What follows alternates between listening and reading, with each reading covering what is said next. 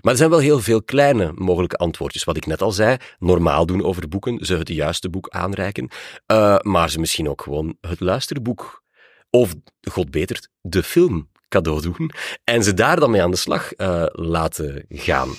Podcast De Biep is Meer gaat op zoek naar de toekomst van openbare bibliotheken en hoe zij bijdragen aan de maatschappelijke uitdagingen van deze tijd. Met nieuws uit de sector, spraakmakende gasten en verrassende thema's word je meegenomen in de wereld van leesbevordering, digitaal burgerschap en participatie. De Bibis Meer is een initiatief van Matt Gubbels die jou wil informeren en inspireren. Hij gelooft in de kracht van podcasting en het verhaal van de bibliotheek. Welkom terug na de meivakantie en alle andere lange weekenden van de afgelopen periode. In deze nieuwe aflevering is er tijd voor deel 2 van het congres Lezen Centraal. Tijdens het congres van Stichting Lezen werd namelijk ingegaan op de vraag wat nodig is op scholen en bij leraren en leerlingen om jeugd en jongeren weer aan het lezen te krijgen. Straks spreek ik onder andere met de razend populaire Vlaamse DJ en auteur Tom de Kok over hoe hij vindt hoe we met dit soort vraagstukken kunnen omgaan. We beginnen met zelfstandig onderwijsadviseur Marjolein van Oene die tijdens een van de deelsessies inging op de vraag wat er op een basisschool nodig is om te gaan werken aan effectief begrijpend leesonderwijs, maar ook wat voor gedragsverandering hierbij nodig is. Dit is haar bijdrage. Jullie zijn hier om te horen hoe je nou aan de slag kunt gaan met dat begrijpend leesonderwijs, met het leesonderwijs in zijn totaliteit. Want wat gebeurt er eigenlijk in de praktijk? Wat ik heb gemerkt is dat scholen mij bellen en zeggen: Wij willen iets doen met begrijpend leesonderwijs. Want de leerlingen zijn niet gemotiveerd. Leerkrachten vinden het eigenlijk niet meer zo heel tof of vinden het moeilijk. Um, ja, dus kun je ons daarbij helpen? En gaandeweg gesprekken die ik dan met scholen voer, komt er eigenlijk wel heel veel uh, op je af. Want het gaat niet alleen over begrijpend lezen. Het gaat over de leesmotivatie. Het heeft te maken met teamleren. Uh, rijke teksten invoeren, zoeken, uh, gebruiken. Leescultuur in de school. Hè, leesbevordering, visie. Um, schrijfonderwijs hebben we vanmorgen kunnen zien. vloeiend lezen. Monitoren.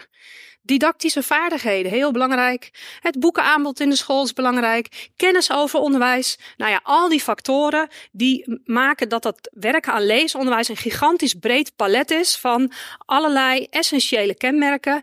En dat vraagt van de school dus nogal wel wat om daar structuur en richting in aan te brengen. En je ziet dan hele mooie voorbeelden van hoe het kan en hoe het moet. Scholen die daar heel erg uh, in hebben ontwikkeld. En dan denk je van ja, dat wil ik ook voor mijn school. Maar zo makkelijk is het niet altijd. Want elke school heeft zijn eigen context, heeft zijn eigen aanpak, zijn eigen team, zijn eigen situatie. En dat maakt dat het niet zomaar uh, te doen is om dat wat op de ene school werkt te kopiëren naar de andere school en het ook op die manier te doen. Uh, en daar uh, dat is toch wel een dingetje waar, uh, waar veel tegen aangelopen wordt. Nou, dus als je dit dan allemaal ziet, dan zijn er dus bij veel scholen reacties als: Oh my god. En hoe dan? Hè, hoe ga ik dat allemaal doen? En um, uh, vanmorgen hebben we ook weer heel veel sprekers gehoord over hele mooie, prachtige voorbeelden. Allemaal vanuit onderzoek bewezen. Dus en dat zei Agnes net al eventjes. Op de websites kun je echt begrijpend lezen of leesonderwijs uh, googelen en de, echt een explosie van hoe het allemaal moet en hoe het allemaal kan en uh, wat allemaal effectief is. Um, en daarover uh, heeft um, de kennistafel effectief leesonderwijs best een hele mooie samenvatting gemaakt. En die hebben dat eigenlijk verwoord in vier samenhangende bouwstenen.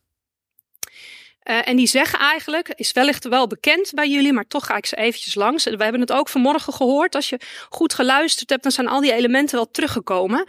Laat leerlingen namelijk een langere periode over hetzelfde kennisrijke brede thema werken of lezen. En daarbij gaat het erover dat je een doel hebt om te lezen. Vanmorgen bij Roel van Steensel hoorden jullie al dat hij uh, het ook heel erg had over het motief, de motivatie. Dus dat je weet van waarom ga ik de teksten of de, dit lezen. En het uh, tweede punt van de vier samenhangende bouwstenen is dat het moet gaan over gevarieerde teksten van een goede kwaliteit. Daarbij gaat het weer over die motivatie. Maar vooral ook gaat het over B. Leer leerlingen hoe ze begrip van een tekst kunnen monitoren, herstellen of kunnen versterken. En daar is ook de leerkracht cruciaal. Want in die leerkrachtvaardigheden, die didactische vaardigheden, daar zit de sleutel voor jou om leerlingen uh, uh, dat onderwijs te geven waarmee zij de volgende stap in hun uh, leesontwikkeling kunnen maken. actief aan de slag gaan met teksten door erover te praten en te schrijven. Jullie hebben vanmorgen ook voorbeelden gezien over hoe je dat kunt doen. En het gaat ook heel erg over het volgen van de leesontwikkeling en daar je onderwijs op aanpassen. En het werd heel kort genoemd, die toetscultuur. Uh, daar zijn we vanuit het begrijpend lezen en trouwens ook bij het technisch lezen gewend om ons heel erg te richten op wat zegt de uitslag van het LOVS. Um, maar ja, die staat een beetje ter discussie, op z'n zachts gezegd. En het gaat er bij het volgen van de leesontwikkeling veel meer over. Wat zie ik in de klas gebeuren? Hoe kan ik aansluiten bij de leerbehoefte van deze specifieke leerling? Nou, deze bron uh, is van de kwaliteitswaaier effectief lezenonderwijs. Ik verwacht dat deze ook wel uh, te zien is op de hele mooie website Lezen in het PO van Stichting Lezen. Als je nou denkt van, ik zie door de boom het bos niet meer, tussen al die websites die gaan over begrijpend lezen, dan zou ik je adviseren, kijk daar alsjeblieft. Want daar staat echt een prachtige verzameling van alles wat te maken heeft met lezenonderwijs in het primair onderwijs. Heel mooi ingedeeld op allerlei uh, elementen, uh, wetenschap, onderzoek. Dus uh, noteer die website lezen in het po.nl. En daar kun je vast deze ook ergens terugvinden. Dus dit is het wat. Wat we moeten doen in het onderwijs, dat hebben we wel overal gelezen. Maar hoe dan? Um, je bent vandaag als leesconsulent of als leerkracht, taalcoördinator als het goed is aan het einde van de dag enorm geïnspireerd geraakt door alles wat je hebt gehoord. Je weet welke stappen je moet zetten. Je wil met dat lezen aan de gang. Uh, je wilt het vrij lezen anders organiseren, omdat je hebt gezien wat er allemaal bij belangrijk is. Je wilt eigenlijk die samenhang zoeken, die taaldoelen. Nou ja, je, je denkt van ik ga er helemaal voor. Je bent taalcoördinator of leerkracht hier aanwezig, dus je hebt iets met lezen en taalonderwijs. Dus morgen ga je de school in en dan denk je yes, we gaan ervoor. Um, en dan uh, krijg je dit misschien te horen. Herkenbaar. Ik heb geen tijd om uitgebreid les voor te bereiden en zelf teksten te zoeken, hoor je je collega dan zeggen. Of uh, ja, maar waar vind ik dan rijke teksten? Ik heb de methode toch? Of uh, ja, maar hoe ga ik dan me voorbereiden op de CITO? Want daar worden we wel op afgerekend.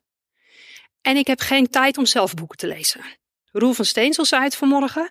In de andere deelsessie spreekt volgens mij Naomi Smits. Die doet echt een pleidooi om heel veel kinderboeken zelf uh, te gaan lezen als leerkracht. Ik, ik onderschrijf dat, vind het ook onwijs belangrijk. Maar dit is wel wat ik hoor. En ik kom ook op elk schoolteam mensen tegen die zeggen: Ik hou helemaal niet van lezen. Um, ja, dan heb je het best wel lastig. Want je hebt gehoord eh, in de lezing van Roel van Steensel hoe belangrijk het is om als leerkracht uh, aan te kunnen sluiten bij de leerbehoeften van je leerling. En dat wil zeggen dat je ook weet waar liggen de interesses en welke boeken kan ik adviseren. Dus dat is hartstikke belangrijk. Maar toch, ja, gebeurt dat dan? Dus al die factoren die, um, oh ja, dit is er ook zo eentje. Als je dat erin brengt. Ik weet niet of jullie deze herkennen. Zeker, ja. Ja, zijn altijd. Eh, het is ook hartstikke fijn, hè? Ik, ik, ik weet ook nog dat in drukke weken, vol met oude gesprekken, uh, tot laat op school geweest, geen tijd gehad om met je lessen bezig te zijn. Dat je dan in de ochtend op school komt en denkt: oh ja, even die les openslaan. Wat zijn de doelen? Wat wordt er globaal in de handleiding aangegeven? En dat je die les geeft. Um, maar uiteindelijk is dat niet waar de leerling het meest bij gebaat is. Want de leerling is het meest gebaat bij onderwijs dat past bij wat zij nodig hebben. En dat staat niet per se altijd in de methode. Een methode is gemaakt voor de gemiddelde leerling in de gemiddelde klas op de gemiddelde school. En die hebben jullie niet. Gok ik zo. Dus je zult altijd als leerkracht moeten kijken hoe of wat dan. En um, ja, zeg je dan misschien, uh, bij ons zijn wel, ik ben wel echt heel kritisch op het omgaan met de methode, want ik durf best af en toe wel eens een opdracht of een les over te slaan. Maar kritisch omgaan met de methode gaat veel verder dan dat eigenlijk. en uiteindelijk is het het mooiste als je als leerkracht zijnde bezig kunt zijn met het ontwerpen en het ontwikkelen van onderwijs. En juist die uh, elementen die je hier uh, op een rijtje hebt gezien, en die enkele voorbeelden van uitspraken, dat is waar je dan als school wel tegenaan loopt. Want het is evident dat je, je echt het heel druk hebt en dat het tijd vraagt om rijke teksten te zoeken en dat die tijd er vaak niet is. En dat is nou precies datgene wat het zo complex maakt omdat het er allemaal hartstikke mooi uitziet, zoals het wordt verteld door de deskundigen. Maar ga het maar eens doen. Dus hoe dan? Hè? Dat is dus eigenlijk de grote vraag. Nou, um, dit is een heel saai plaatje.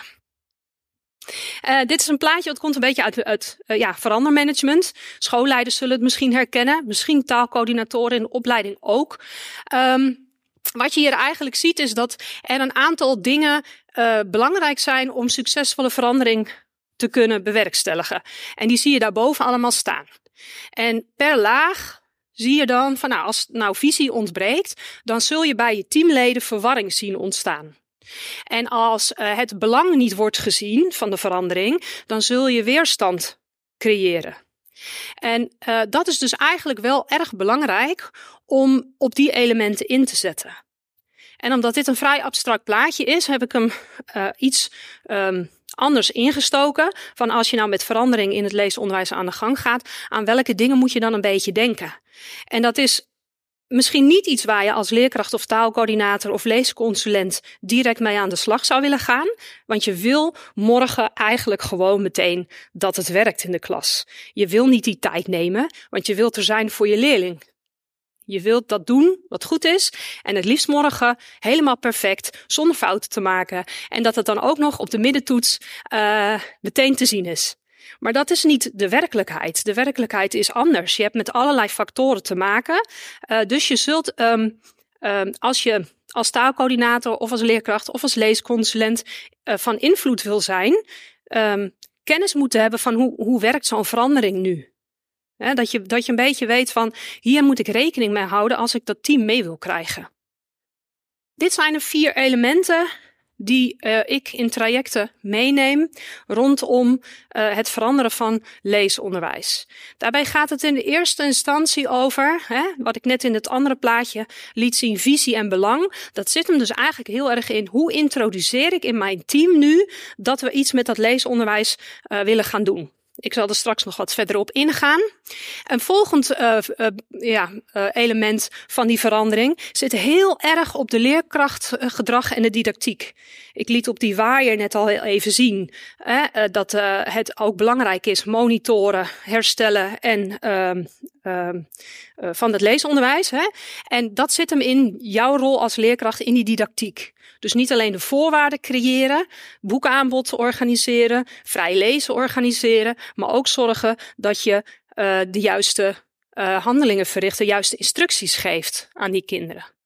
Borgen is een hele, hele belangrijke. En vaak is dat hetgeen wat in het onderwijs, ja, uh, misgaat, zou ik haast willen zeggen. Je kent het misschien allemaal wel. We zijn allemaal al in een team. Mooie veranderingen, nieuwe dingen opgepakt. Komt een externe adviseur van alles vertellen over hoe het moet. Je gaat met je team aan de slag.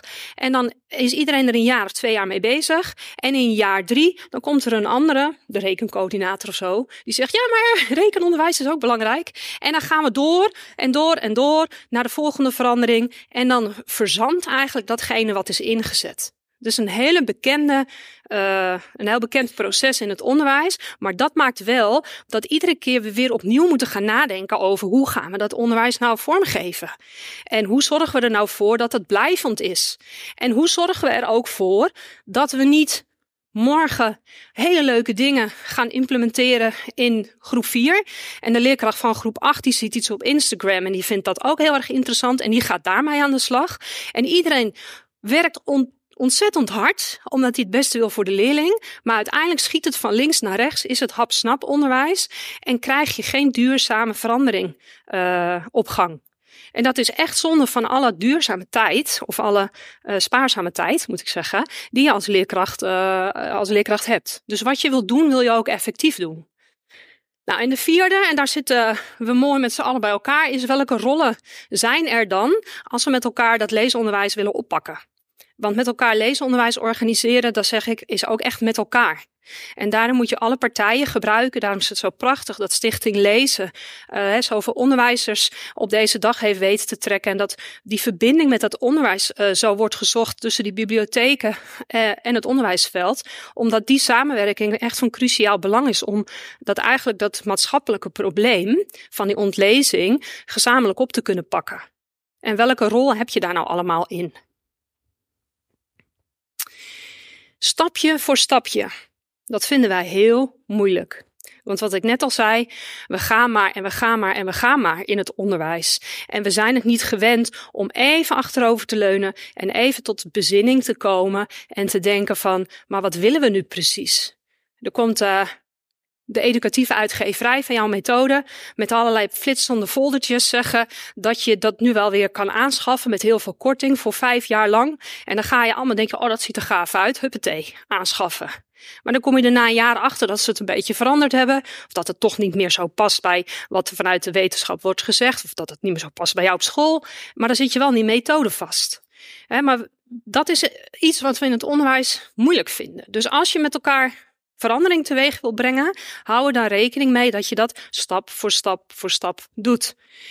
En waar je met dat introduceren dus eigenlijk mee begint, is ook dat je het hebt over een visie. Vanmorgen heeft Gert Biesta prachtige betoog gehouden over hoe hij ziet, uh, hoe hij het leesonderwijs ziet in relatie tot de pedagogische ja, opdracht. En dat gesprek voeren in je team, dat is ontzettend belangrijk. En dat is niet alleen belangrijk uh, om um, uh, met elkaar uh, na te denken over wat willen we met het onderwijs. Maar um, het is ook belangrijk als je een visie hebt, dat je daar niet meer zo door laat afleiden als er bepaalde trends of hypes in het onderwijs langskomen. Want dat kennen we ook wel. Hè, invloeden van buitenaf. Als je een visie hebt, kun je dat scheiden. Dan kun je zeggen, dit, past dit bij wat wij hebben bedacht, waar wij het over hebben gehad in ons onderwijs, wat wij belangrijk vinden. En als je vindt dat dat niet past, hoef je daar dus niet in mee te gaan. Dan sta je daarin sterker. Um, een visie kan ook helpen bij het kiezen van de juiste methode of aanpak. Die markt in het begrijpend leesonderwijs is booming. Methodes ploppen op, aanpakken ploppen op. Uh, zelfs de zaakvakmethodes hebben nu uh, leeslijnen erbij. Ik was op een school die werkt met facta. Je hebt nu facta lezen. Terwijl ik op de NOT-beurs sprak met een vertegenwoordiger van facta. Die zei ja, wij zijn van oorsprong was onze visie eigenlijk zo min mogelijk teksten. Om kinderen die niet zoveel taalkennis hebben, uh, die daar niet uh, nadeel van uh, hoefden te ondervinden. En nu hebben ze dus eigenlijk, zijn ze meegegaan in die beweging en hebben ze nu facta lezen. Nou, zo zijn al die methodemakers heel hard bezig om mee te gaan met dat wat er op de markt, of wat vanuit de adviezen wordt gezegd. maar daar zijn hele grote verschillen in. Dus als je een visie hebt, dan kun je je methode leggen langs de visie op taal lezen en kun je beoordelen of dat past bij jou en bij je team en bij je school. Het voorkomt quick fix en hapsnap. Hè, wat ik net zei, morgen meteen in actie komen. Nou, als je een visie hebt, dan kun je met elkaar dat ook breed uitdragen. Het geeft koers en het stelt kaders. Uh, en doordat je het gesprek voert over de visie en over hoe je kijkt naar leesonderwijs bij jou op school, creëer je draagvlak en betrokkenheid. En kennis. Die is ook heel erg belangrijk. Je kunt ook je team daarmee inspireren. Ik heb dit plaatje eh, gemaakt uh, om te laten zien uh, wat er allemaal van invloed is op die visie. En dan zie je dat kennis over zaken heel erg belangrijk is, want dat beïnvloedt ook de visie. dat moet ook. Je visie moet ook gedragen worden door kennis. Het gaat ook over ervaringen. Leerkrachten die al een jaartje of 20, 30 meelopen, die kennen het onderwijs wel. En die kunnen misschien wel eens zeggen: ja, maar toen ik uh, jong was, toen deden we dat al. En ik ga niet nou weer aan beginnen hoor. Dus die ervaringen hebben daar ook mee te maken. En die bepalen ook wat de visie en overtuigingen zijn. Die staat daarnaast. En wat heel erg belangrijk is, wanneer je het hebt over visie, kun je ook heel goed in kaart brengen wat de beginsituatie is. Want wat bij jou werkt op de ene school, werkt misschien niet op de andere school, omdat de situatie anders is. Dus die factoren spelen daarin mee. Dus dat eventjes over het introduceren. Niet al het nieuwe is goed en niet al het goede is nieuw, zeg ik altijd bij trainingen. Dus dat maakt ook weer eventjes bewust van, denk eerst na voordat je iets uh, introduceert of doet. Nou, dan hadden we het al eventjes gehad over gedragsverandering en de didactiek. Um, wat maakt het nu zo complex om met begrijpend lezen aan de slag te gaan? Vanmorgen hebben we heel mooi gehoord dat lezen eigenlijk taalvaardigheid is. Een onderdeel van die taalvaardigheid. En wanneer je goede instructies wilt geven op vooral met name begrijpend lezen, dan gaat het heel erg over wat is mijn eigen taal- en leesvaardigheid. In hoeverre kan ik zelf hardop um, betekenis uh, ontlenen uit deze tekst? In hoeverre kan ik uh, zelf een tekst samenvatten? Uh, in hoeverre heb ik zelf kennis van taal? En op het moment dat jij met die instructievaardigheden aan de slag gaat, dan moet je jezelf eigenlijk een beetje blootgeven. Want je gaat hardop nadenken, je moet veel over taal weten. En als je dat niet weet, dan wordt het lastig om goede instructies te geven. Dat betekent dat wanneer je met gedragsverandering of met didactiek aan de slag uh, wil gaan, dat dat te maken heeft met het veranderen van bepaald gedrag. Uh, bepaalde patronen die je al heel lang op een bepaalde manier doet. Of misschien nog niet zo lang. Maar uh, misschien ben jij wel van die generatie waar Eline het over had. Die niet zo heel erg veel heeft gelezen. En dus ook misschien die taalvaardigheid nog niet zo ten volle heeft weten te benutten. Uh, dan maakt het het heel complex om goede didactiek neer te zetten. Dus als je te maken hebt met een team waarbij je uh, aan de slag wil gaan met hoe geef je nu goed begrijpend leesonderwijs, realiseer je dan dat dat tijd nodig heeft. En dat de een daar veel sneller in gaat dan de ander. Ik was gisteren op een school, daar heb ik ongeveer zes klasbezoeken afgelegd. Op een school waarin we al met een traject bezig waren. En dan geef ik een kader, een soort lesplan. En dan zie je dat twee parallelgroepen samen een les voorbereiden. Dus dezelfde les geven. En dat daar zulke enorme verschillen te zien zijn in hoe de interactie met de kinderen is, hoe ze de, de taalvaardigheid stimuleren, hoe ze met het lesplan omgaan. De ene leerkracht heeft ervaring en denkt tijdens de les, hmm, deze placementopdracht hebben we even geen tijd meer voor, ik pas hem aan. De andere leerkracht denkt, ja, maar ik moet die placementopdracht toch doen, dus ik ga dat volbrengen, waardoor de tijd voor lezen in het gedrang kwam. Maar ook het teruggeven van talige feedback, het luisteren, samenvatten van wat kinderen zeggen, ruimte laten voor talige gesprekken, taaldenkgesprekken. Dat heeft heel erg te maken met hoe je zelf in die taalvaardigheid zit. En daarom is het voor begrijpelijk lezen ook niet zo dat je dat in een hokje kunt proppen en kunt zeggen: dit is zoals het moet. Want de tekst spreekt voor zich. En ja, als leerkracht moet daar in combinatie met je leerlingen vorm aan geven. En dat maakt het zo complex. Dus wanneer je daarmee aan de slag gaat, zorg ervoor dat er tijd um, wordt gegeven. En dat betekent ook dat je fouten mag maken. Uh, dus wees niet bang om die rijke tekst waarover je twijfelt te denken, oeh, misschien is die wel te moeilijk voor mijn kinderen. Of is deze tekst nu wel goed of niet goed? Nou, een tekst is niet snel niet goed.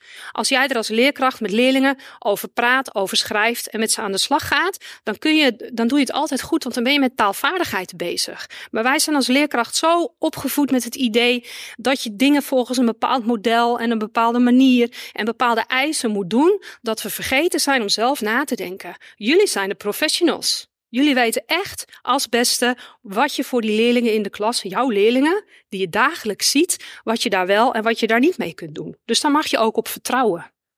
En dat merk ik vaak dat dat lastig is. Dus dat is een boodschap die ik heel veel overbreng. Samenwerken. Gebruik elkaars krachten daarin. Uh, en doe het weer stap voor stap. Hè. Verwacht niet dat je morgen meteen dat helemaal perfect kunt met elkaar. En het hangt ook af van wat is de draagkracht van het team. Als je te maken hebt met veel uh, ziekte, uitval van leerkrachten, lerarentekort, schoolleider die weg is, intern begeleider die weg is, dan kun je nog zoveel willen, maar dan ligt de prioriteit toch net even wat anders. En dan moet je die stappen misschien toch wat kleiner maken. Minder ambitie, maar wel uiteindelijk um, zorgen dat je dat stap voor stap blijft doen.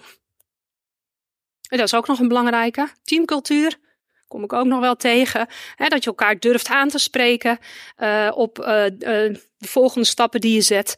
Um, en dat het veilig is, ook vooral. Hè? is het veilig genoeg bij jou op school bij je collega binnen te komen lopen en te zeggen: hey, wil je me even helpen? Want ik weet niet zo goed hoe ik dit stukje moet moddelen. Of wil je me even helpen? Want ik kan maar niet bedenken wat ik, het, wat ik voor leesdoel bij deze tekst moet bedenken. Dus dat is wel heel erg belangrijk dat dat ook op orde is. Dus dan kom ik weer terug op niet de ene school wat op de ene school werkt, kan ook op de andere school zomaar uh, gekopieerd worden, want je hebt met al die factoren te maken. Dit is evident. Welke aanpak of methode je ook kiest, uiteindelijk ben jij als leerkracht degene die het verschil maakt. Dus je kunt nog zo de mooiste, mooiste, prachtige methode aanschaffen waar een fantastische marketingcampagne achter zit, waardoor je echt denkt van wauw, dit moet ik hebben. Maar uiteindelijk, ook al is die handleiding nog zo mooi beschreven, jij moet het doen. Met de kennis die jij als professional hebt over het leesonderwijs en over de kinderen bij jou in de klas. Nou, hier hadden we het ook al eventjes over gehad over het borgen, dat dat zo belangrijk is. Ik schreef als taalcoördinator een taalbeleidsplan. Ik was hartstikke trots op. Uh, ik kreeg er goed cijfer voor. Ik denk, nou, daar gaan we. In de school, hè? Want jullie maken als het goed is een taalbeleidsplan voor de school. Nou, dat ding kwam in de kast. En uh, toen ging ik weg bij die school. En daarna is er nooit meer wat mee gebeurd. Um, dus wanneer je wil borgen, gaat het over een taalbeleid wat praktisch is. tegenwoordig werken we ook veel met uh, kwaliteitskaarten waarop het op één A4'tje is. En wat helemaal hot is, dat is uh, dat je praatplaten maakt. bij schoolvisies zie je dat vaak. Er komt zo'n zakelijk tekenaar. Ik ben ook een cursus nu aan het doen om te kijken of ik bij mijn presentaties wat leuke tekeningen kan maken. Die zag je net op die vier. Uh, had ik zelf getekend. Af en toe moet je ook eens wat leuks doen. Um, even wat extra's. Maar goed, die praatplaten zijn wel, en dan heb je het meteen visueel. En dan kan iedereen zien van, oké, dit is hoe ons taalbeleid uh, werkt. Uh, Borg heeft ook te maken met al die partijen inschakelen die daarmee te, mee te maken hebben. Dus wat ik net zei, de bibliotheek. Maar ook eens gaan kijken naar de naschoolse activiteiten. De, de voorschool, de kinderopvang. Hè, dat zijn allemaal, ik, je hebt van Stichting Lezen ook de boekstart. Dan hoor je ook hoeveel daar al wordt geïnvesteerd in het lezen. Dus zorg dat je daar met elkaar samen aan werkt. Frequent en structureel aandacht besteden. Dus niet uh, een half jaar volop inzetten. En dan na dat half jaar moeten je uh, collega's het maar zelf uitzoeken. Nee, het leesonderwijs moet elke keer weer terugkomen op de agenda. En elke keer weer hou je team scherp en zet je de volgende stap daarin. En natuurlijk, heel belangrijk, evalueren en waar nodig aanpassen. Nou, dan zijn we een beetje op de rollen, rollen uitgekomen. Kijk even naar de tijd. Gaat goed. Um, die uh, sleutelfiguren die uh, in het onderwijs zo van belang zijn, die heb ik hier eventjes uh, in een mooi cirkeltje gezet. En daar valt je misschien op dat ik een apart cirkeltje voor jullie als leesconsulent heb genoteerd.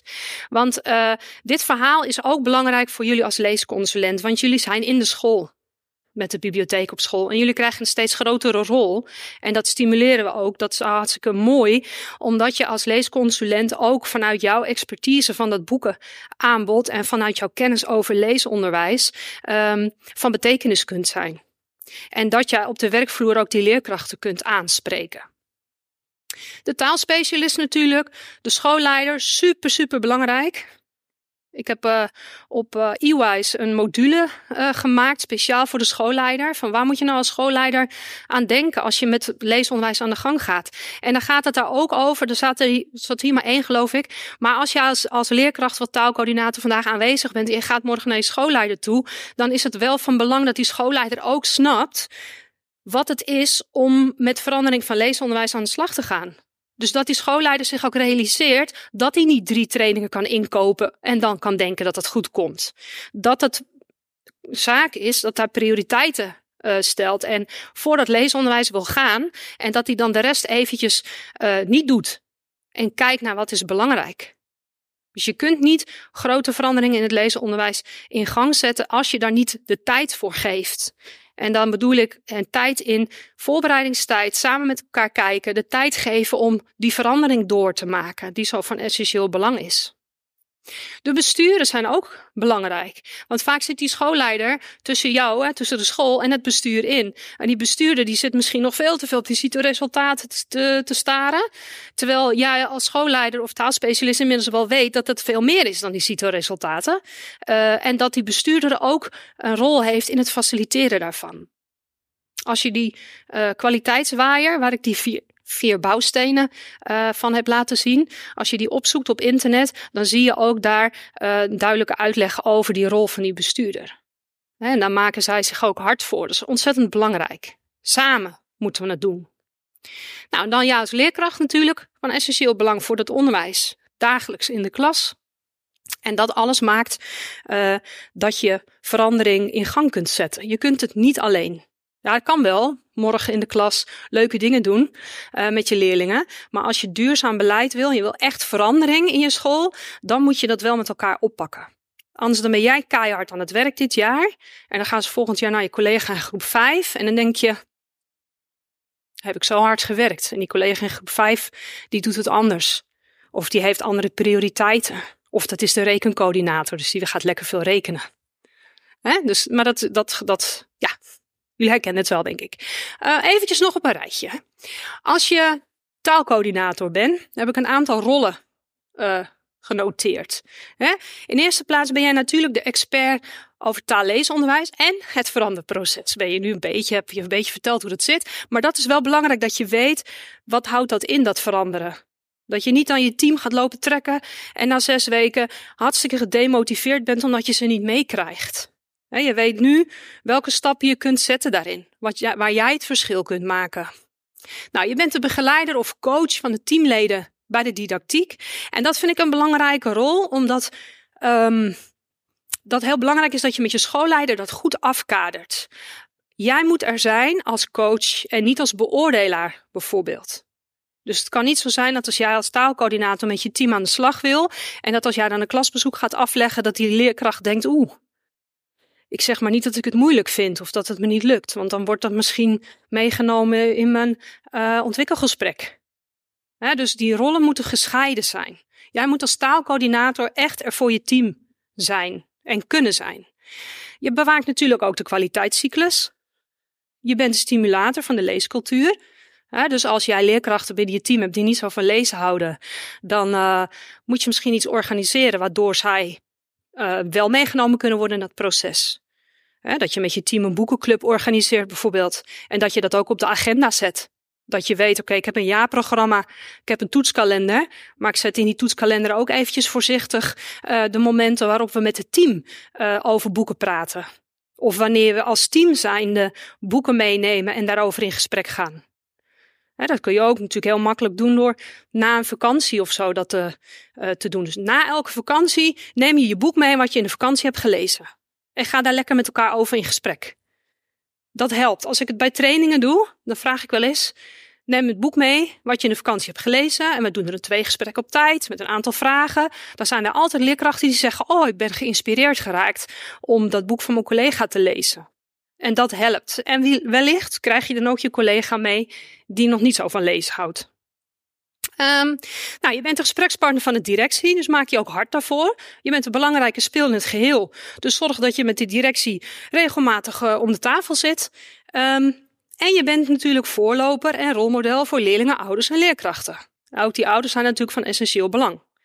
Dus je bent niet alleen uh, de specialist, maar je, je draagt dat ook uit. Dus je zorgt ook ervoor dat je uh, in je eigen klas het op orde hebt in de eerste plaats want als uh, collega's bij jou in de klas binnenkomen en ze zien dat jij helemaal niet uh, een leescultuur in je klas hebt, dan ben je ook niet zo geloofwaardig. Dus zorg in eerste instantie dat het in je eigen klas voor elkaar is. En dan kun je ook voorlopen. dus, dus zorg dat je op de hoogte bent en dat je verder op de hoogte bent dan de rest van het team.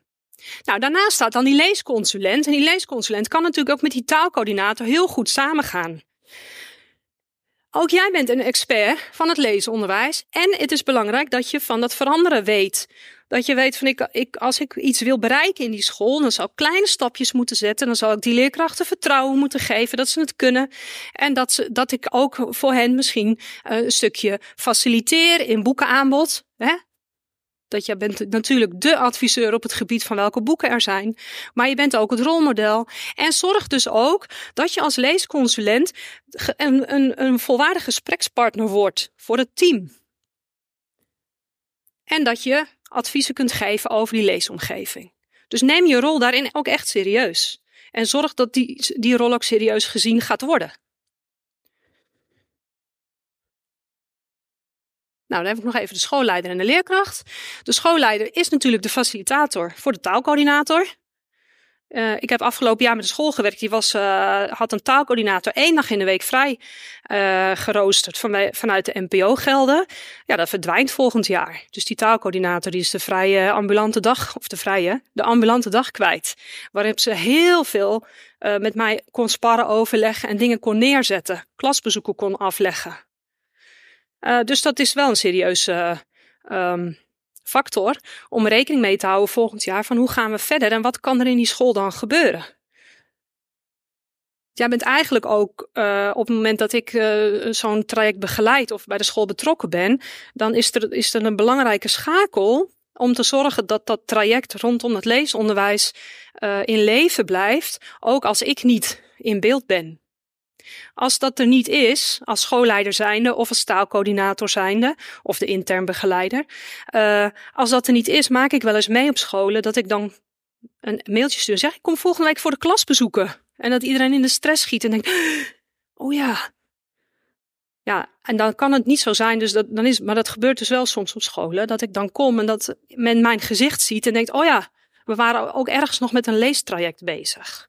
Dus er moeten mensen zijn in de school die daarin voorlopen. En dat zijn jullie in dit geval, want anders zit je hier niet, denk ik. Um, was ik nog iets vergeten? Oh ja, kwaliteitsbewaker natuurlijk. De gesprekspartner van de taalcoördinator en het bestuur. En je bent verantwoordelijk voor de professionele cultuur ik maak het wel mee. Dan eh, ben ik een teamtraining bezig en dan zegt het de, team: Ja, maar we krijgen helemaal geen tijd om les voor te bereiden. Veel te druk.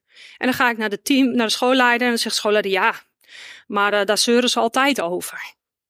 Ja, dan, dan heb je niet echt met elkaar samen een professionele cultuur neergezet. Dus het gaat erom dat je wel aan die voorwaarden ook voldoet. En soms kan dat ook gelijk opgaan. Dus dat je met het leesonderwijs start en dat je er gaandeweg eigenlijk achterkomt van nee, we, we moeten misschien ook iets met elkaar in die professionele cultuur. Ik werk ook steeds vaker met scholen die een leerteam hebben. En dat ik dan vooral met het leerteam bezig ben, waardoor het leerteam het gezicht wordt van de, uh, de leesontwikkeling. Dus dat zijn ook hele mooie ontwikkelingen. Maar dat is wel van essentieel belang dat je als schoolleider dat in de gaten hebt. Van hoe is het met mijn professionele cultuur op mijn school gesteld. Nou, als leerkracht natuurlijk vakinhoudelijk en vakdidactisch expert. Ook daar ben je een kwaliteitsbewaker, want je bent de kwaliteitsbewaker van de leerlingen in jouw klas en het onderwijs. Je bent een lezende leerkracht, uh, een rolmodel en je organiseert leesinstructie en leesactiviteiten. En die doet nog zoveel meer, maar dat past er niet op het lijstje. Ja, maar dat weten we allemaal. Na dit verhaal van Marjolein van Oene sprak ik met Mirjam Snel over de rol van de pabo's en leerkrachten bij het vraagstuk rondom leesbevordering.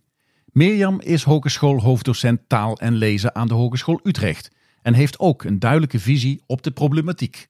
Ik spreek met Mirjam Snel, die zojuist een deelsessie heeft gedaan met Naomi Smits. En de luisteraars die mijn podcast al kennen, die weten wat Naomi Smits allemaal te vermelden heeft.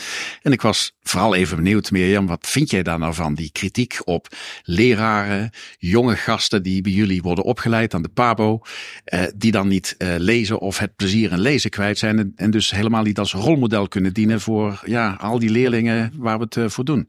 Um, ja, ik werk dus op een PABO van Hogeschool Utrecht. En uh, ik zie dat terug. En uh, onderzoek wijst ook uit dat uh, onze PABO-studenten, maar ik trek het ook even iets verder. Het gaat niet alleen om PABO-studenten, maar ook uh, leerkrachten. Um, niet altijd lezen en niet altijd lezen leuk vinden. Nou, wat ik heel erg belangrijk vind, is dat studenten en leerkrachten gaan lezen. En soms doe je dat omdat je het heel leuk vindt. Uh, sommige studenten kan je ook echt overhalen om te gaan lezen en die gaan het dan leuk vinden. Uh, maar dan heb je nog een laatste groep en die vinden het eigenlijk toch niet zo leuk. En dan zeg ik van ja, dan doe je het voor je studie of je doe je het voor je werk. Want het is wel heel erg belangrijk dat je zeg maar een kleine bibliotheek in je hoofd krijgt. Uh, want wil je kinderen leren lezen, dan moeten kinderen veel leeskilometers maken. Uh, en dan is het gewoon heel erg belangrijk dat je voor die kinderen ook weet of je kunt ze helpen bij het kiezen van het volgende of bij het juiste boek. En dat lukt niet als je zelf niet leest. Is het echt een tour de force om studenten op jullie pabo's, om die echt aan het lezen te krijgen? Om, om dat plezier ook bij hen terug te brengen? Ja, wij doen al erg ons best en we doen dat op verschillende manieren. Dus uh, ik zal een paar voorbeelden geven. Nou, onze studenten moeten bijvoorbeeld uh, jeugdliteratuur lezen, maar ze moeten het ook gebruiken. En niet alleen bij het vak Nederlands, maar bijvoorbeeld ook bij de wereldoriënterende vakken of bij rekenen of bij levensbeschouwelijk onderwijs. Dus we proberen dat echt wel te integreren in het volledige curriculum. we hebben leesclubs, dat we met elkaar lezen. We nodigen schrijvers uit. Uh, we geven ook uh, gratis boeken weg uh, aan studenten. dus op deze manier proberen wij die studenten aan het lezen te krijgen. ik denk dat het ook wel in heel veel lessen, als ik naar mijn eigen lessen kijk, zeker in iedere les weer terugkomt uh, dat ik zeg, jongens, ga lezen, ga naar de bibliotheek, word lid van de bibliotheek. Uh, dat ik aan ze vraag, wat, wat boek lees je op dit moment? Dus daar worden ze wel steeds mee geconfronteerd. Ze promoten ook boeken aan elkaar, dus we hebben dan ook van die lessen dat ze boeken aan elkaar moeten promoten. Um, ja, de vraag is natuurlijk, is dat voldoende?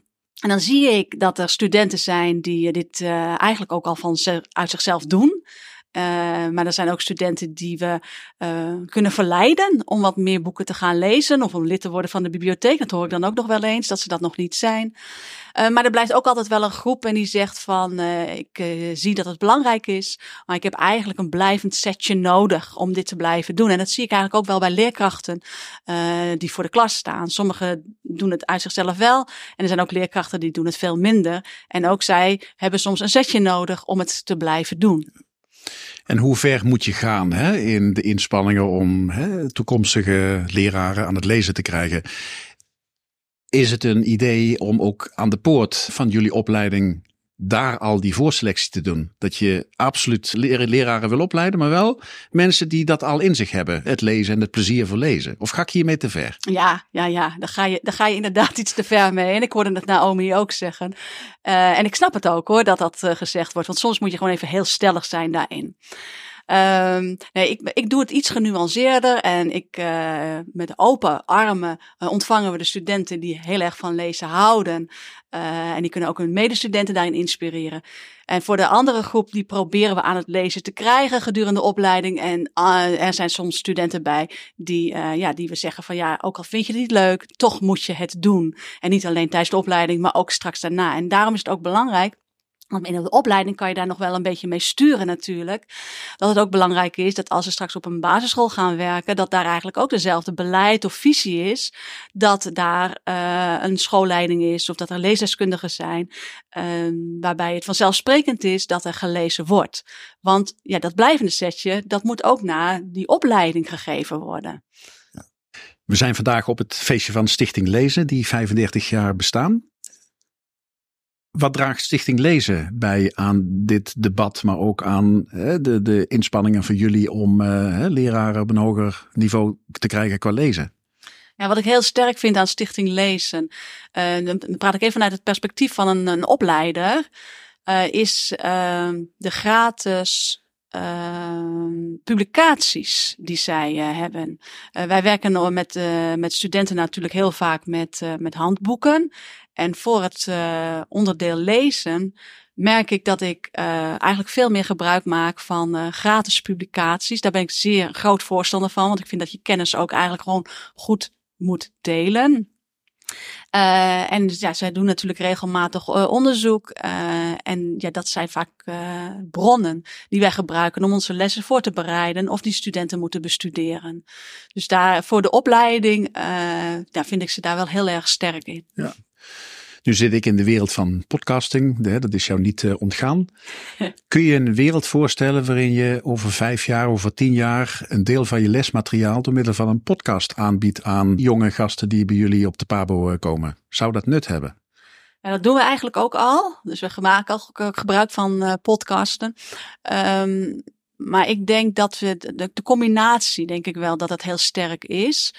Uh, een podcast kan soms ook wel uh, wat vluchtiger zijn. Hè. Duurt soms een half uur, drie kwartier of een uur. Ik, ik luister er heel graag naar, want je kunt het ook op elk moment, nou ja, niet elk moment van de dag, maar je pakt het er zo makkelijk bij. Een podcast zit je op de fiets of uh, ja, ja, je zit thuis op de bank naar zo'n podcast luisteren. Dat gaat heel gemakkelijk. Uh, maar daarnaast is het ook goed om, uh, ja, om teksten te lezen, te bestuderen en met elkaar te bespreken. Dus uh, zowel podcast, maar ook webinars bijvoorbeeld en ja, geschreven bronnen. Ik denk dat dat hele goede stof is om met elkaar te bestuderen en te bespreken. Tot slot, vanuit Pabo-perspectief gezien, heb je nog tips en tricks voor openbare bibliotheken, de leesconsulenten die daar hun werk doen, voornamelijk met basisscholen? Ja, ik vind eh, ten eerste heel erg krachtig, want ik probeer zelf ook zoveel mogelijk jeugdliteratuur te lezen. Maar dat kan echt nog wel nog meer. Um, dus ik werk bijvoorbeeld op een, een basisschool en dan uh, lees ik ook samen met de leerkrachten boeken in leesclubjes. En daar is ook een leesconsulent is daar. En uh, aan het einde van zo'n gesprek bespreken we ook altijd met elkaar wat is het volgende boek wat we gaan lezen. En uh, dan vraag ik ook de hulp van zo'n leesconsulent is help mij eens om nou, de volgende drie mooie boeken voor te stellen en dat wij een keuze daaruit kunnen maken. Leesconsulenten zijn heel erg goed in uh, wat zijn uh, goede boeken en een, uh, wat zou voor een kind ook een goede volgende boek kunnen zijn. en dan moet je denken aan een boek wat bijvoorbeeld qua wereldbeeld wat breder is of qua teksten wat complexer is. leesconsulenten kunnen leerkrachten ook goed begeleiden, ook lessen voordoen hoe ze een, een les zouden kunnen geven als het bijvoorbeeld gaat om boekpromotie. Denk dat het wel goed is, maar ik weet zeker dat Stichting Lezen daar ook op dezelfde manier in staat. Is dat leerkrachten niet afhankelijk moeten worden van leesconsulenten. Dus het is zo, zou mooi zijn als de, de de kwaliteiten van leesdeskundigen en de kracht daarvan en uh, de vaardigheden daarvan, dat die langzaam door leerkrachten worden overgenomen. Nou, laat dat de taak dan zijn uh, van de openbare bibliotheken om dat uh, proces ja, te versnellen. Ja, ja. Nou, wat, wat ook heel, waar we ook de bibliotheken bij nodig hebben, als het bijvoorbeeld gaat om begrijpend lezen, zijn we een groot voorstander van dat er gewerkt wordt in rijke, brede thema's. En dat betekent dat er gewerkt wordt met teksten, met boeken en ook dat kinderen lezen in dat, in dat thema. Ja, dan heb je voor een klas toch wel best wel veel boeken nodig. En dat is gewoon heel erg fijn als een bibliotheek B kan denken en ook een selectie kan maken, zodat de school met die boeken kan werken. Um, ja, dus werk samen met de bibliotheek die er is, maar ook heel erg mooi is als iedere school ook zelf een mooie rijke bibliotheek heeft. Ja. Dankjewel. Graag gedaan. Van de theorie gaan we naar de praktijk. En om te beginnen doen we dat met Saman Amini, gevlucht uit Syrië en auteur van het boek Alles voor jullie. Het fundament van goed onderwijs, volgens hem, is dat je een band met studenten opbouwt. Luister naar wat hij hierover te zeggen heeft. Ja, kijk, uh, taal is een, uh, is, een is een middel om je te verbinden. En het leven draait over uh, verbinding. Verbinding met jezelf, maar vooral verbinding met de ander. En taal is dan wel een ja, ongelooflijk belangrijk element daarbij. Ten slotte sprak ik iets uitgebreider met Tom de Kok, de razend populaire DJ van het Belgische Q Music. In 2022 won hij de prijs voor het beste boek voor jongeren met zijn boek Lily. Het beste boek voor jongeren is een literaire prijs voor jongeren in Nederland en Vlaanderen. En de prijs die bekroont boeken van hoge kwaliteit die goed aansluiten bij de belevingswereld van jongeren. Met Tom spreek ik over de edele kunst om jongeren te verleiden tot lezen. Ik spreek met Tom de Kok. En als we het hebben over Tom de Kok, dan hebben we het over iemand die heel erg bekend is, maar bij mij niet. uh, want, ik, want ik leef onder een steen. Maar ik ben gelukkig niet, uh, niet uh, de enige. Maar Tom, wat ben jij ontzettend populair hier? Je bent de doelgroep niet, Mat. Uh, zo zeg ik dan altijd vriendelijk. Nee, ik, ik, merk natuurlijk in Nederland is er nog flink wat uh, onontgonnen grond, zoals dat dan heet. Uh, maar in Vlaanderen ben ik ja, al 15 jaar nationale radiopresentator. Eerst voor M&M, een jongerenzender van de openbare omroep, die ik mee heb opgericht. En nu sinds een paar jaar voor de Vlaamse tak van Q-Music, de originele, de OG's van Q-Music. in, in Vlaanderen de grootste commerciële radioomroep, net als in Nederland trouwens. waar ik een een late night talkshow maak, waarin eender welk onderwerp kan passeren en eender wie mag bellen en zijn of haar mening mag geven en eender welke plaat mag aanvragen. Dus ik draai Rachmaninoff en ik draai Sepultura en ik draai Lady Gaga en liefst alle drie door elkaar. En daarbuiten maak ik ook televisieprogramma's over boeken, over wetenschap um, en podcasts en schrijf ik dus zelf ook jeugdboeken. Voilà. Ik zag het inderdaad en daar heb je een prijs mee, eh, mee gewonnen. Wat maakt het dat het zo moeilijk is om in die huid van jongeren te kruipen? Goh, is dat zo moeilijk? Want dat is iets wat wij altijd veronderstellen. Wij veronderstellen altijd, het is moeilijk om je in te leven in jongeren. Jongeren willen niet meer lezen. Niks interesseert hen. En eigenlijk gaat mijn hele uiteenzetting die ik hier nu net gegeven heb voor leesbevorderaars in Utrecht, waar ik heel erg dankbaar voor ben dat ik die kans heb gekregen. Uh, ik doe dat in Vlaanderen ook vaak. En eigenlijk draait alles wat ik zeg rond. Uh, ten eerste, we slaan hen om de oren met mulisch, terwijl wij hen beter een strip geven en dan hopen dat ze later Mulisch willen lezen. Uh, ten tweede, we veronderstellen dat ze niet lezen, maar ze lezen wel, alleen niet wat wij willen dat ze lezen. Uh, ze zijn constant bezig met taal op allerlei andere manieren. Van de achterkant van de cornflakes doos tot magazines over hun favoriete band, tot sommige internetuitingen die ook literair zijn, tot boeken, want jongeren lezen wel nog. En ten derde, het is ook niet erg als jongeren de voeling met boeken even verliezen. Ze komen wel terug uh, zolang wij er maar voor zorgen, dat boeken even normaal blijven als voetbal. En dat doen we niet. Wij volwassenen doen heel raar over boeken. We vinden boeken iets dat je in Brommer op zee moet bespreken met een heel erg raar accent. En dan moet je plots zo gaan praten en zeggen van ja, maar op pagina 13, dan verwijs je naar Vergilius. Zolang we dat soort onzin over boeken blijven verkopen, uh, gaan jongeren boeken inderdaad niet leuk vinden. Maar er is een boek voor iedereen. Uh, en iedereen heeft een boek dat op hem of haar wacht. Daar ben ik echt van overtuigd. En die boodschap moeten we veel meer uitdragen. Boeken zijn even normaal als voetballen. Je had het over zijn vergelijking. Eh, Nederland-België. Uh, met voetbal winnen we heel vaak, maar tegenwoordig ook niet meer zo. Hoe is het in uh, België gesteld met zogenaamde leescrisis en laaggeletterdheid? Um, ik durf vermoeden ongeveer even erg als in uh, Nederland, hoewel ik die cijfers zeker niet van buiten ken, maar ik kom wel vaak uh, in Nederlandse scholen tegenwoordig en heel erg veel in Vlaamse scholen. Uh, maar opnieuw, hoe vaker we het een crisis noemen en hoe vaker we woorden als laaggeletterdheid in de mond nemen, hoe harder we die jongeren natuurlijk ook dat etiket opplakken en hoe moeilijker we het maken om hen uit dat moeras te trekken. Dus laten we vooral lezen vieren en stoppen met zo moeilijk te doen over lezen. Lezen is niks voor de elite. Mijn vader is een bakker, mijn moeder is een bakkersvrouw. Zij hebben mij leren lezen nog voor ik zes was. En ze hebben mij de liefde voor boeken bijgebracht met strips, jeugdboeken en Amerikaanse thrillers. En niet met Mulisch en Klaus en Pfeiffer. Die heb ik later zelf ontdekt, omdat ik al verliefd was op boeken. Dus alsjeblieft, laat ons die tanker keren. En laat ons zorgen dat jongeren niet het gevoel hebben dat ze eerst zeven diploma's moeten halen voor ze een kaft van een boek mogen opmaken. Laat ons stoppen met te zeggen dat je moet zwijgen in bibliotheken. En dat je je moet gedragen en niks mag aanraken in boekhandel. Laat ons normaal doen over boeken. Een boek gaan kopen moet even cool zijn als een paar sneakers gaan kopen. Heerlijk om uh, te horen. Um, wat waren de meest opvallende vragen in deze sessie? Je merkt dat we hier in deze sessie allemaal met dezelfde bezorgdheid zitten. Uh, het, het, is moeilijk om jongeren warm te maken voor het hardcore leeswerk natuurlijk. Wat, ja, op een gegeven moment moet je er natuurlijk wel in beginnen in zo'n boek. Um, en eigenlijk komt het altijd op hetzelfde neer van hoe krijg ik ze nu aan het lezen? En wat me daarbij opvalt is dat er ook in het onderwijs nog steeds tussen verschillende onderwijsniveaus ook heel erg verschillend naar boeken wordt gekeken. Dat er heel erg veel... Uh, ik kreeg hier ook een vraag... Uh, van een dame die zei, maar ja, maar mijn leerlingen, die zullen nooit aan zo'n dik boek, het is een dik boek dat jij geschreven hebt, zullen daar nooit aan beginnen. Um, dus die bezorgdheid over, ja, maar ik ga ze nooit over die drempel heen krijgen, dat is waar deze hele studiedag trouwens omheen gebouwd is. Um, en ik denk niet dat er één groot antwoord is. Ik heb ook niet gepretendeerd dat hier te hebben. Maar er zijn wel heel veel kleine mogelijke antwoordjes. Wat ik net al zei, normaal doen over boeken, ze het juiste boek aanreiken, uh, maar ze misschien ook gewoon het luisterboek of, god betert, de film cadeau doen en ze daar dan mee aan de slag uh, laten gaan. Ik heb daar zelf ook een um, initiatief rond, al een paar jaar. Mijn eigen schrijfwedstrijd, de One Page Challenge heet die. Waarbij ik een bladzijde voorlees uit het boek dat ik op dat moment aan het schrijven ben. Dus nu is dat het derde deel uit de Lily-reeks. Um, en uh, dat stopt dan op een spannend moment. En dan vraag ik aan jongeren tussen 11 en 17 om één bladzijde, precies één bladzijde vervolg te schrijven. En alles mag letterlijk alles mag. Dus de personages hoeven niet te kloppen, de tijd en de plaats hoeft niet dezelfde te zijn als in het boek.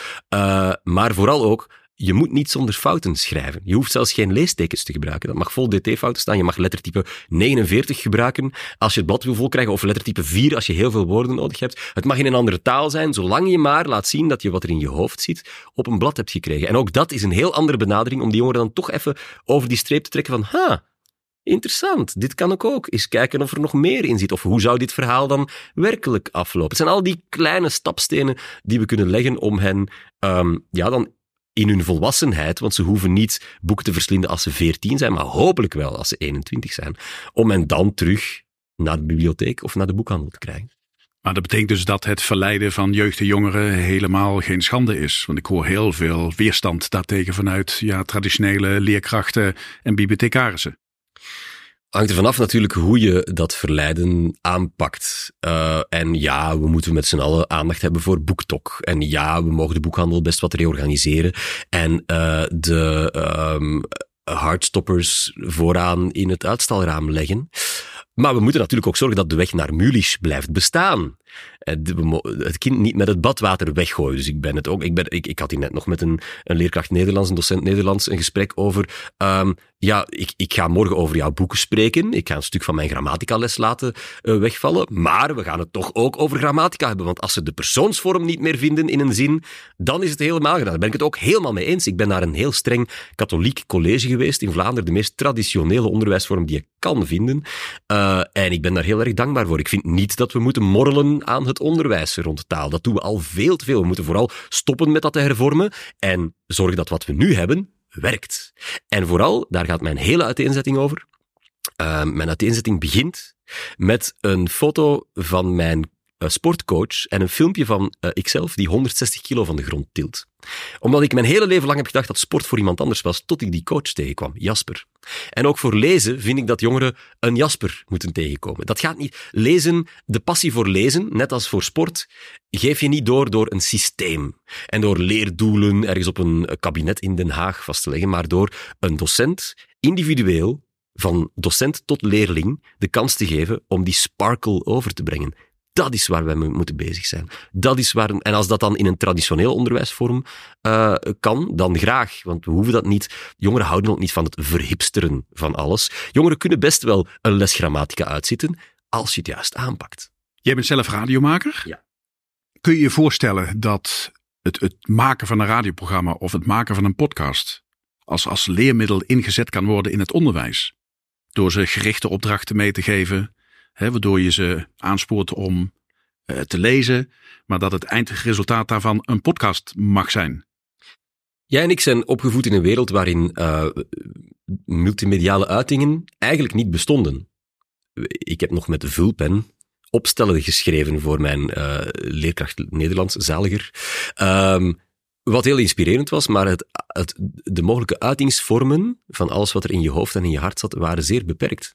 Vandaag leven we in, het, in de totaal diametraal tegenovergestelde wereld, waarin eigenlijk het maken van live televisie uh, tot de mogelijkheden van de gemiddelde twaalfjarige behoort. En alles wat daarvoor ligt in audio en in video en in social media en in geschreven vorm en in gedrukte vorm en in, uh, en in, in performance vorm. Dat is allemaal zoveel toegankelijker dan vroeger. Zoveel makkelijker als je de juiste geletterdheid hebt in de technieken die er uh, uh, voor nodig zijn.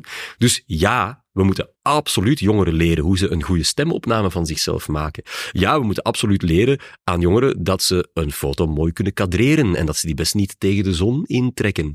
En dat er standaarden zijn die je kan volgen als het gaat over je eigen privacy daarin en dat soort dingen.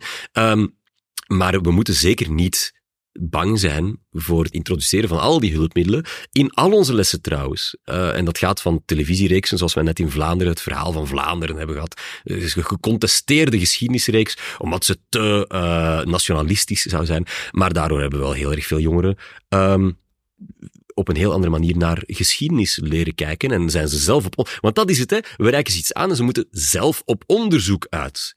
Jij kan ze als leerkracht niet de perfecte podcast leren maken, omdat leerkrachten doorgaans niet zo'n goede podcastmakers zijn, maar je kan ze wel de weg tonen.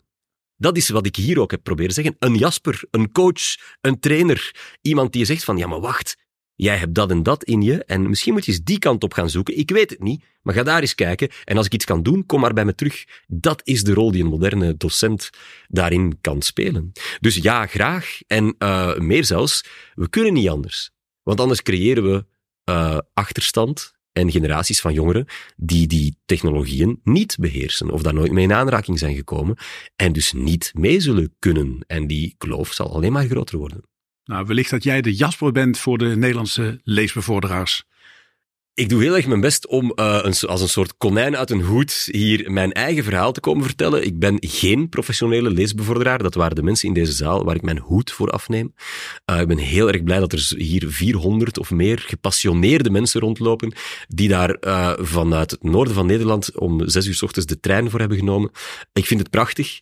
ik, ik, um, reik hen enthousiasme aan en een paar persoonlijke inzichten. Ik denk dat ik na 15 of bijna 20 jaar uh, in dit vak uh, wel een aantal dingen kan vertellen, maar dat zijn losse dingen. En iedereen neemt van die tafel wat hij of zij uh, daarvan kan gebruiken. Voilà. En als ik dat heb kunnen doen, dan ben ik inderdaad misschien een beetje een coach geweest voor de coaches.